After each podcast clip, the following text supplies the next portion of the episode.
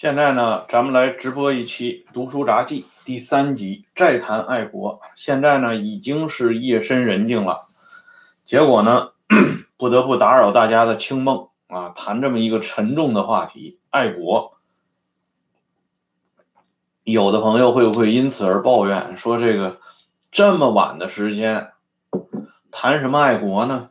这实际上呢，也是因为看到了一些。历史上的事情，突然想到的啊，觉得呢，拿出来跟大家聊聊，很有意思。爱国，这是一个非常高大上的东西，以至于呢，现在很多人都愿意触碰它，或者说很多人都愿意打着这个大旗，隐身到这面大旗之下，求得一丝的保护。还有一些呢，本来就不是手持中国护照的人，他们呢谈起爱国这种啊激动的心情呢，更是溢于言表。所以呢，就让我们觉得这爱国真是应该好好的谈一谈。刚才就有人谈到这个爱国，在推特上就说这个爱国的话题，他认为呢。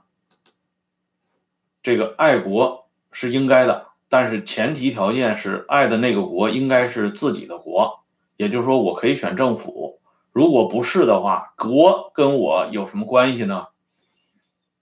他说这个话呢，我的回复就是很简单，我说这个国呀，本身它是一个虚构的概念。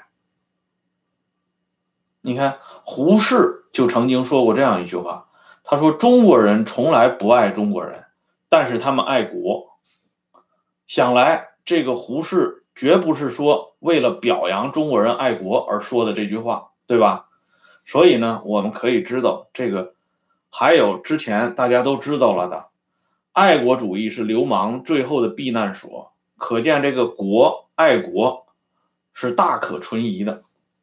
我之所以说国是一个虚构的概念，实际也是这么回事儿。比如说。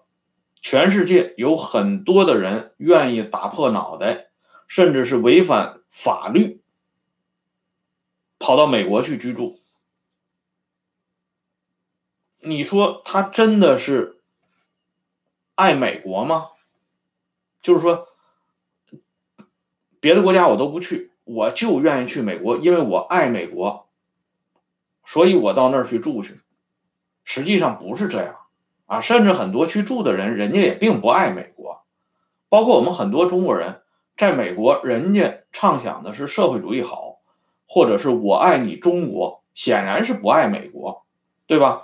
包括那些著名的知名人士，一看这五星红旗升起，那眼泪唰的就下来了。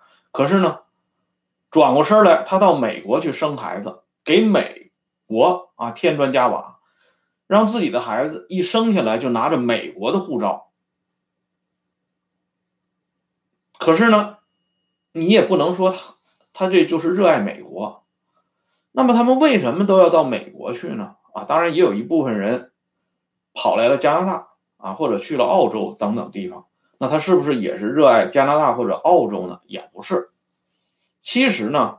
他们之所以把老婆、孩子、财产都转移到了美国、加拿大这些地方，他实际上热爱的是这个国家的制度，因为这个国家的制度让他感到有安全、有安全感，这是中国时下最喜欢谈到的问题。他的老婆、孩子不至于因为。他是另外一个制度里的人，就被这个国家的政治和法律进行清算，也不会因为他们的财产多的到吓人的程度就被人家打了土豪分了田地，这是肯定不会的。而且呢，正是因为这个国家呢制度比较好，比较完善，所以呢，他能够在过去的一百年到三百年当中完成。长治久安的这种，在咱们中国人很难想象的这种复杂的大的系统工程，人家做的很好。当然，现在呢，美国也好，加拿大也好，都出现了一些实质性的问题。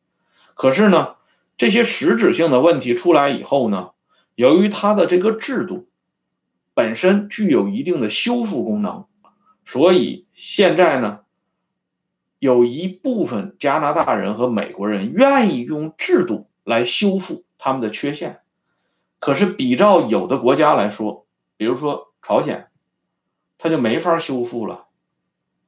它没有自我修复功能，它只能推倒重来，推倒重来的结果呢，又是进入了一个死循环。所以你没听，没有见到哪位这个大富豪，包括今天刚刚出事的上海的这个正大集团的这个戴老板，他也不会把钱转到朝鲜去。还有一个著名的国内搞这个火锅店连锁的这个富豪。最近呢，又被曝光持有新加坡的护照，显然呢，他也不会搬到朝鲜去，甚至他也不会搬到俄罗斯去。美国、加拿大，我们都知道，山清水秀，食品安全，饮水干净啊，这是在眼前的事情。即使这些不爱美国的人，他也不得不承认这个事实，对吧？你看，Costco 在上海。开业了，很多高素质的上海人云集到这个 Costco 的这个店里面进行疯狂的采购，说明什么呀？说明美国来的东西安全一些，对吧？价格呢便宜一些，所以才会被高素质的上海人所看重。当然，不等于高素质的上海人他就爱美国，对不对？所以呢，从这些情况我们都可以看到，他真正爱的是在这个制度笼罩下的东西。如果有一天这美国的完备的民主制度被打得千疮百孔，甚至呢是片甲不留的话，或者说有一天美国、加拿大变成了朝鲜第二或者第三，我相信这些人还会选择其他国家作为落脚点。实际问题就是这么简单，跟国本身这个国没有具体的实质性的联系，而且我们刚才讲到的山清水秀啊，食品饮水这些安全怎么来的呢？就是得益于这个制度，这实际上就是一个常识性的问题，对不对？我们伟大的祖国山清水秀的时候。其实也很多呀，你像历史上唐诗、唐诗宋词，啊，歌颂的这个写景状物时描述的山川壮丽、河流秀美，啊，惆怅无音见范蠡，参差烟树五湖东。此情此景仿佛就在眼前啊。可是现在呢，大家在网上经常抱怨的是什么呢？是哪个哪个地方被污染了，哪个哪个地方被糟践了。甚至连我们伟大祖国的心脏地带、首善之区都不能幸免于难。一到这个冬天的时候，很多朋友们都不得不规避这个叫雾霾的东西。这说明了什么呢？这说明了至少你的制度在环保这块是有重大缺陷的。这也就是为什么有相当一部分中国人愿意削尖了脑袋跑到美国和加拿大来。他不是真爱这两个国家，但是呢，他要找到一个安全的地方。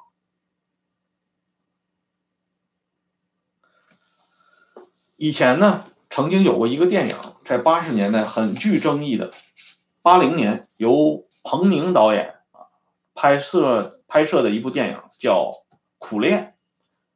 啊，想必呢，在我这个年龄段的人应该都能听说过啊。如果比我们年龄更大一点的，五十多岁以上的，那就更应该听说过。苦练呢，这是写了一个画家叫凌晨光，他漂泊在海外，然后呢，心中怀念着自己伟大的祖国，最后呢，辗转回到中国。可是回到中国以后呢，他经历了无数次的啊残酷的迫害。这个人呢，最后没有办法，只能选择逃亡。结果他在逃亡途中呢，丧命荒野。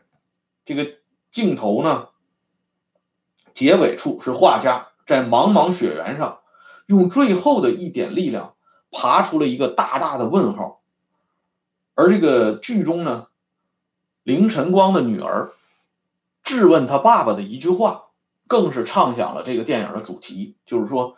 您苦苦留恋这个国家，可是这个国家爱您吗？正是因为这个话外音以及那个大大的问号，引发了政治上的一场动荡啊！我们都知道，在本世纪初吧，曾经有一篇著名的文章叫《书共王党十年记》，这个作者叫黄冈。很多人对这个作者不太了解，只认为。只知道这个人是左派，其实呢，这黄冈是大名鼎鼎的。因为据这个张光年的日记，他的记载呢，是一九八一年三月二号，张光年的日记里边记载，黄冈借苦练电影的事件向中纪委写报告，要求调查出笼经过，追追查这个支持者。也就是说，苦练这个电影之所以引发上层的重视。完全源自于这位撰写啊《书共王党十年记》的黄冈。上层呢，很很快就是雷厉风行，对这个电影做出了处置，对苦练的批判，甚至至今还保留在邓小平文选当中。邓是坚决主张对苦练啊一棍子打死的，这种东西是绝对不能出来的。怎么能提出这种问题呢？你爱这个国家，这个国家爱你吗？你是无条件的爱呀，这是中国很多人他理解的这种爱，爱国无条件的。下面呢，我们再来说一个，既然叫读书杂记嘛，我们是要讲书的，对吧？方志敏，我们都知道这位著名的无产阶级革命家。烈士方志敏，在他死前呢，写过一个很长的文章，叫《可爱的中国》。顾名思义，这就是要表达他这种爱国的感情，或者说是激情。人之将死，其言也善呐，啊，就是说他到死的时候，放不下的不是他的这些亲朋故旧、老婆孩子，而是这个他眼中的可爱的中国。应该说，这方方志敏非常爱国了，对吧？这方志敏呢，也确实爱国。这方志敏爱国爱到什么程度呢？在历史上呢，方志敏在读书期间，曾经发生过一件事儿，那就当时呢，为了五四运动，抵制日货，方志敏呢，拿着查禁日货的旗子满街跑。看到有人穿灰色羽纱长衫的，就跑过去，对这个人说：“说你穿的这长衫是日本货，把它撕了。”然后呢，方志敏呢还跑到这个小食杂店里去，告诉店老板说：“你们这里的东西都是仇货。什么叫仇货呀？仇是仇恨的仇啊，他。”管这日货都不叫日货，唯恐说一个日字啊脏了自己的嘴巴，所以他给他改个名叫仇货啊，仇恨日本。说你这个老板啊卖的都是仇货，赶紧不能再卖了。这个食杂店里头卖的都是什么东西呢？就是老百姓经常吃的零食，比如说葡萄干啊啊小小果品。还有一些香烟、罐头、蜡烛这些日常用品。这店老板是一个老实巴交的中国人，他说呢：“我们这些东西是降本图利的，我们是花了本钱的。如果不卖的话，我们吃什么呢？”方志敏这个时候大义凛然的质问老板说：“你爱不爱国？你是不是中国人？”这老板当时就给吓傻了。不敢回应了，因为这个帽子太大了，啊，这两个连珠炮一样的质问一般中国人是受不了的。你爱不爱国啊？没有人敢说我不爱国。你是不是中国人？那更不没有人敢说我不是中国人了，对不对？哎，于是呢，这方志敏同志就把这食闸店就给拿下了。而且在《可爱的中国》这篇文章当中呢，方志敏也向我们介绍了他在同学当中啊，在寝室里面那爱国举动。一个玻璃瓶装的日本牙粉扔出去了，啊，扔在石阶上，立即打碎了，淡红色的牙粉飞洒满地。这是方方志敏写的这个原文里边记述的。为什么呢？因为这牙粉的原产地是日本。然后呢，一只日货的羊齿脸盆也给扔出去了，啊，猛地几脚踩凹踩挖下去，然后呢，瓷片一片剥落下来。也是毫无疑问的，这个羊齿脸盆也是日货。接下来呢，有一个同学，他平平常经常这个铺垫的这个席子啊，就是这个南方嘛，哎，凉席。然后呢，这个同学呢有点不舍得啊，他还问了一下，这个席子是不是日货呢？这个时候，包括方志敏在内的这些人向他这个同学怒吼：“啊，你看没看到这个席头上印了‘日本制造’四个字啊？你的眼睛瞎了？你舍不得这个席子？你是想做亡国奴吗？”不由分说，大家伸出手来一撕，那床东洋席就被撕成了碎条。这是方志敏为我们描述的，他们爱国的一场非常漂亮的运动，牙粉、吃盆、席子全给搞掉了，爱国。而我们都知道，这位爱国的啊，方志敏呢，在率领红红十军团转战期间。曾经杀害了一一对美国传教士夫妇。这对夫妇呢叫施达能、史文明啊，当然用的是都是中国的名字。是在一九三四年十二月八号，在安徽省境内啊旌德县，夫妇呢被公开处决。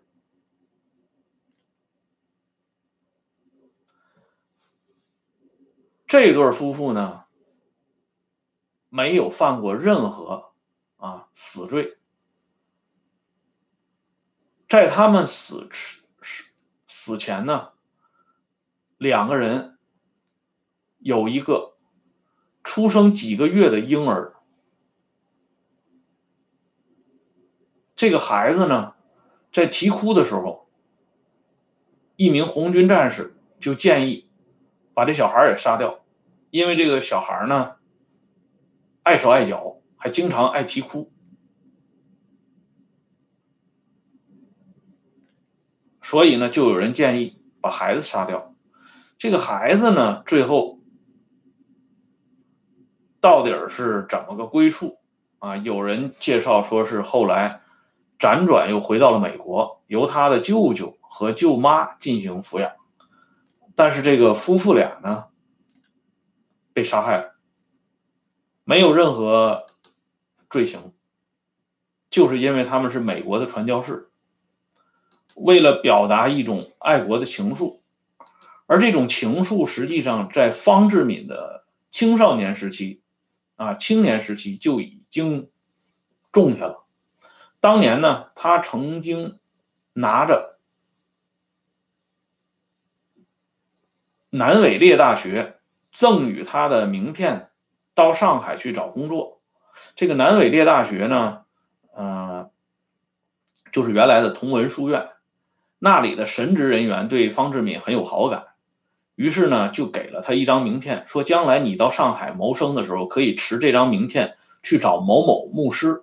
所以，一九二二年夏天呢，方志敏只身来到上海求职，他这个同这个牧师啊，南伟烈大学推荐的这个牧师。见面之后呢，发生了不快。后来方志敏在一九二二年七月十八号发表了一篇文章，叫《谋士》，发表在上海的《民国日报》副刊《觉悟》上。在这篇文章里边呢，他对这个牧师，外国牧师，简直就是异常愤恨，几乎到了破口大骂的程度。他对这个外国的神神职人员，啊，就是这个教职人员，表示了极大的愤怒和愤恨。到底他和这个牧师之间发生了什么样的纠纷？现在已经没有史料能够提供证明了。我们看到的方志敏的这篇文章《谋士》，只是方志敏的一面之词。不管这个事情是怎么发展的，由此在方方志敏的心中种下了对西方教职人员的这种仇恨的种子，这个是无疑的。所以呢，方志敏在转战那么忙的途中，也没忘了把这个施达能、史文明夫妇捎带的。就给处决了，所以后来南京国民政府在判处方志敏死刑的时候，用的不是政治上的名义，而是用刑事案结案，以刑事犯的名义处决了方志敏，因为方志敏杀杀戮无辜，因此呢，验明正身，照准枪决。这方志敏的牺牲的真实过程大。大致如此，可是呢，并没有影响方志敏在很多中国人民心目中这种正面的高大的形象，因为他不仅壮烈牺牲了，他还留有一篇非常了不起的文章《可爱的中国》啊，他虽然死了，但是因为他爱国，于是呢，他的形象一直是非常高大的。这也就是为什么今天。有很多人，尽管这个人啊相当不堪，但是呢，他嘴上一定要打着爱国的旗号，因为这样一来呢，他在某种程度上就可以同烈士方志敏一样站在一起了。我们今天啰里啰嗦讲了这么多，相信能够听明白的朋友还是大有人在的。这个爱国到底是个什么东西？是个什么样的概念？这个国对每一个人来说意味着什么？我相信大家应该会清楚的。爱一定是双向的，如果单向的，那不叫爱，那叫单相思。咱们这都是中年人了，都已经为人父母了。我相信没有哪一个有正常思维、智力。和常识的父母希望自己的子女在单相思的路上越跑越远，哎，越走越快，不会的。所以呢，今天的话题咱们就暂时说到这里。谢谢大家这么晚还上来观看我这个节目，下次我们再聊。